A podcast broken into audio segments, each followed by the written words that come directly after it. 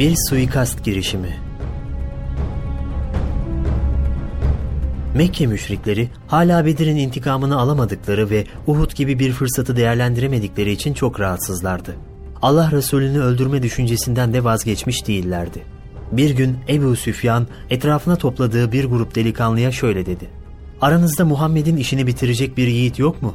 Baksanıza biz bu kadar acı içinde kıvranırken o her yerde rahat dolaşabiliyor. Ancak topluluk içinden buna cesaret edecek birisi çıkmadı. Ebu Sufyan da eli boş evinin yolunu tuttu. Bir süre sonra Ebu Sufyan'ın kapısı çalmaya başladı. Açtığında karşısında duran bedevi delikanlı ona şöyle dedi. Şayet bana söz verir ve taleplerim konusunda cömert davranırsan ben gider ve onu öldürürüm. Çünkü ben bu işleri iyi bilirim.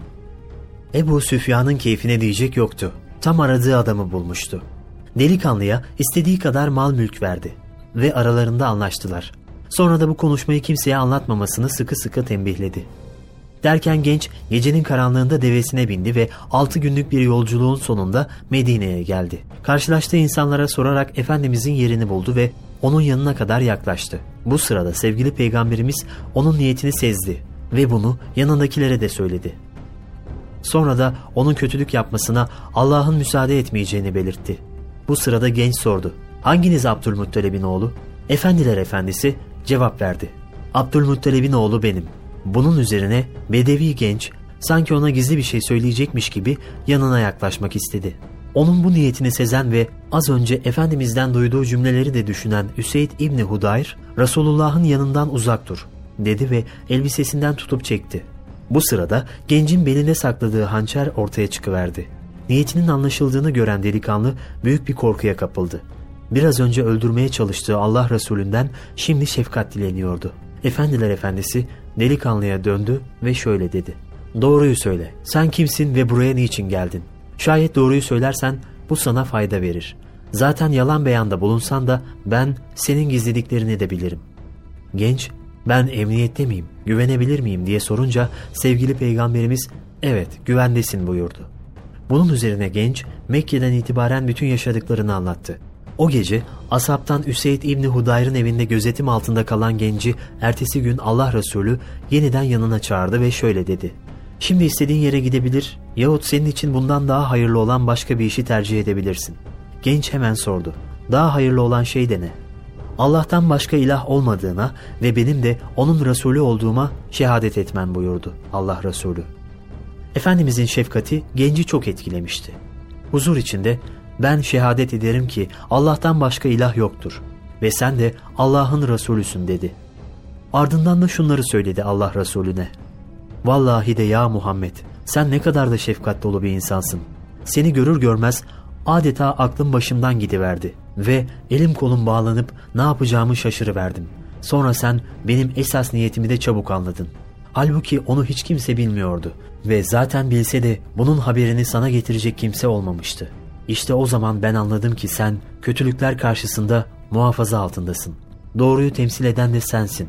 Ebu Süfyan'ın peşinden gidenlerse şeytanın askerleri. Allah Resulü sallallahu aleyhi ve sellem bu cümleler karşısında tebessüm etti. Onu öldürmek için gelen bir insan daha onun ikliminde huzurla dolmuştu.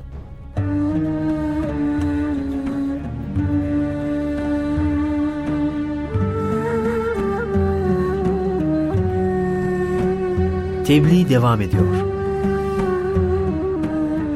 Uhud Savaşı'ndan sonra hicretin dördüncü yılında Müslümanların Medine'deki durumu daha da kuvvetlendi. Bu arada din düşmanları çok daha tehlikeli bir hal almış, her fırsatta saldırmaya hazırlanıyorlardı. Peygamberimiz bir taraftan düşmanlara karşı savunma ve koruma tedbirleri alırken bir taraftan da İslam'ı anlatmaya ve insanları imana davete devam ediyordu. Tebliğ ve irşat alanı her geçen gün daha da genişliyor ve yeni yeni muhataplara ulaşılıyordu. Bunun için dil öğrenmek gerektiğinde dil öğreniliyor, bir yere elçi olarak gitmek gerektiğinde de gidiliyordu. Bu yıl Hazreti Ali ile Hazreti Fatıma'nın bir oğulları daha olmuş ve Efendimiz torunu Hazreti Hüseyin'in doğumuyla da çok mutlu olmuştu. Çok sevdiği torunları Hazreti Hasan ve Hazreti Hüseyin için bunlar benim dünyada kokladığım iki reyhanımdır derdi.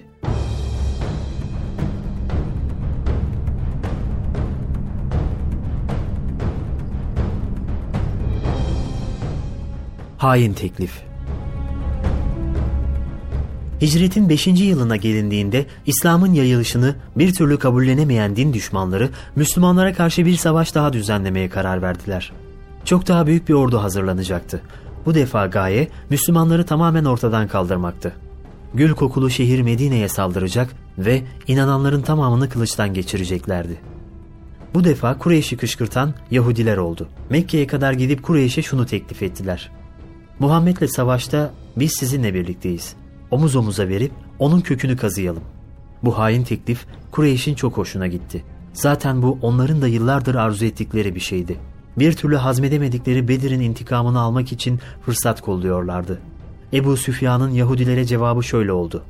Bizim için en sevimli kişi Muhammed'e düşmanlık konusunda bizimle birlikte hareket edip bize yardımcı olandır. Müslümanlara karşı birlikte hareket etmeyi bulunmaz bir fırsat olarak gören bu iki grup, toplanacakları zamanı kararlaştırarak ayrıldılar. Kureyş'ten ayrılan Yahudi topluluğu kötülüğün bu kadarıyla kalma niyetinde değildi. Sırasıyla bütün Arap kabilelerini dolaşarak aynı teklifi onlara da yaptılar. Anlaştıkları her kabileye tarih veriyorlar, o zamana kadar hazır olmalarını istiyorlardı. Neredeyse bütün kabileleri Allah Resulü ve müminlere karşı savaşmaya ikna etmişlerdi. Derken kararlaştırılan zaman geldi. Ebu Süfyan kumandasındaki 4000 kişilik Mekke ordusu hareket etmiş, Medine'ye doğru yol alıyordu. Ordu içinde 300 at, 1500 de deve vardı. Bunu duyan diğer kabileler de harekete geçti ve akın akın gelip Ebu Süfyan ordusuna katılmaya başladılar. Çok geçmeden gözünü kan bürümüş bu insanların sayısı 10 bini buldu.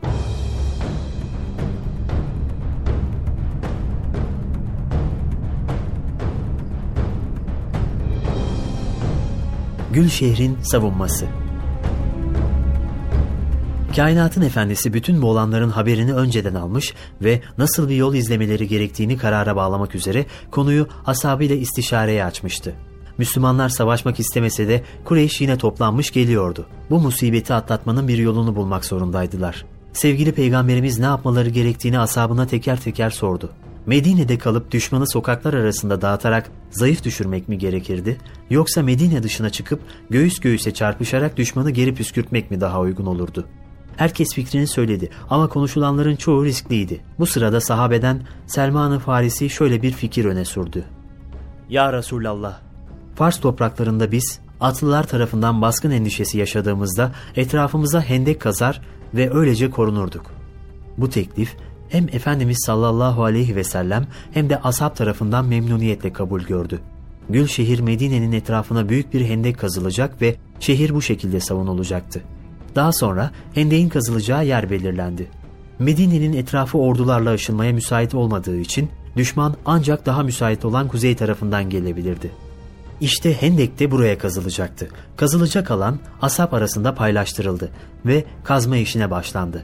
Mekke ordusu gelmeden işin bitmesi gerekiyordu. Sevgili peygamberimiz de asabıyla birlikte çalışıyordu. Herkes işine o kadar kilitlenmişti ki yorulmak nedir bilmiyorlardı. Gönüller aynı heyecanla aynı hedef için atıyordu. Sabah namazıyla başladıkları kazı işine akşam vaktine kadar devam ediyor ve geceleri istirahat için evlerine gidiyorlardı. Allah Resulü sallallahu aleyhi ve sellem kendini bu işe o kadar vermişti ki bazen kazmayla hendek kazıyor, yeri geliyor sırtıyla toprak taşıyor, bazen de eline aldığı kürekle toprak atıyordu. Bir aralık o kadar yorulmuştu ki bir kenara çekilip azıcık oturup dinlenmeyi denedi yanağını bir taşın üstüne yaslamış öylece uyuyakalmıştı. Onun bu hali Hazreti Ebu Bekir ile Hazreti Ömer efendilerimizin gözünden kaçmadı.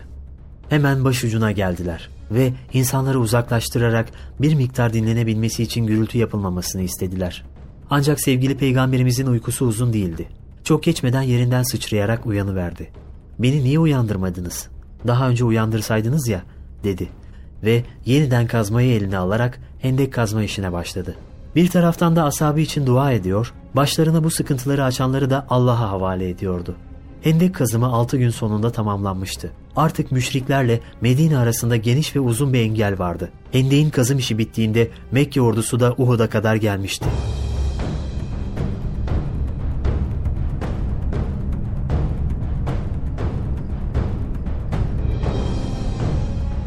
Hendek şaşkınlığı Müslüman ordusu 3000 kişiydi. Arkalarını dağa verip hendeyi de önlerini alarak düşmanı beklemeye başladılar. Çok geçmeden 10 bin kişilik Mekke ordusu karşıdan göründü. Kendilerinden emin bir şekilde hırsla ilerliyorken önlerinde gördükleri büyük hendek onları şaşkına uğratmıştı. Daha önce hiç böyle bir savunma görmemişlerdi. Hendeğin sadece kendi önlerine gelen bölümde olduğunu düşünerek sağa sola koşturmaya başladılar. Bunun boş bir gayret olduğunuysa Medine'ye girebilecekleri her yerin hendekle çevrili olduğunu görünce anladılar. Halkını kılıçtan geçirerek yok etmeyi planladıkları bir şehre girememek onlar için ne de büyük bir hayal kırıklığıydı. Medine'ye giremeyeceklerini anlayınca hendeğin karşı tarafına yerleştiler ve beklemeye başladılar. Bu gergin bekleyiş günlerce devam etti. Müşrikler hendek üzerinden hamleler yapmaya çalışıyor, oklar atıyor, mızrak fırlatıyor, taş atıyor ama bir türlü Medine tarafına geçemiyorlardı. Sonunda hendeğin en zayıf noktasından karşıya geçmeye karar verdiler. Bir grup müşrik buldukları dar bir geçitten müminlerin bulunduğu tarafa geçti. Akıllarınca Müslümanlara büyük kayıp verdireceklerdi. Ancak iş hiç de onların beklediği gibi olmadı. Onların hendeyi geçtiğini gören Müslümanlar hemen oraya tutarak arkadan geleceklerin önünü kestiler. İçlerinden orada can veren bir müşrik olunca diğer müşrikler hiç vakit kaybetmeden geri döndüler. Bu olaydan sonra da geride hiç kimse kalmamak üzere hep birlikte saldırmaya karar verdiler ve öyle de yaptılar. Ama çok uğraşmalarına rağmen yine netice alamadılar ve geri çekildiler.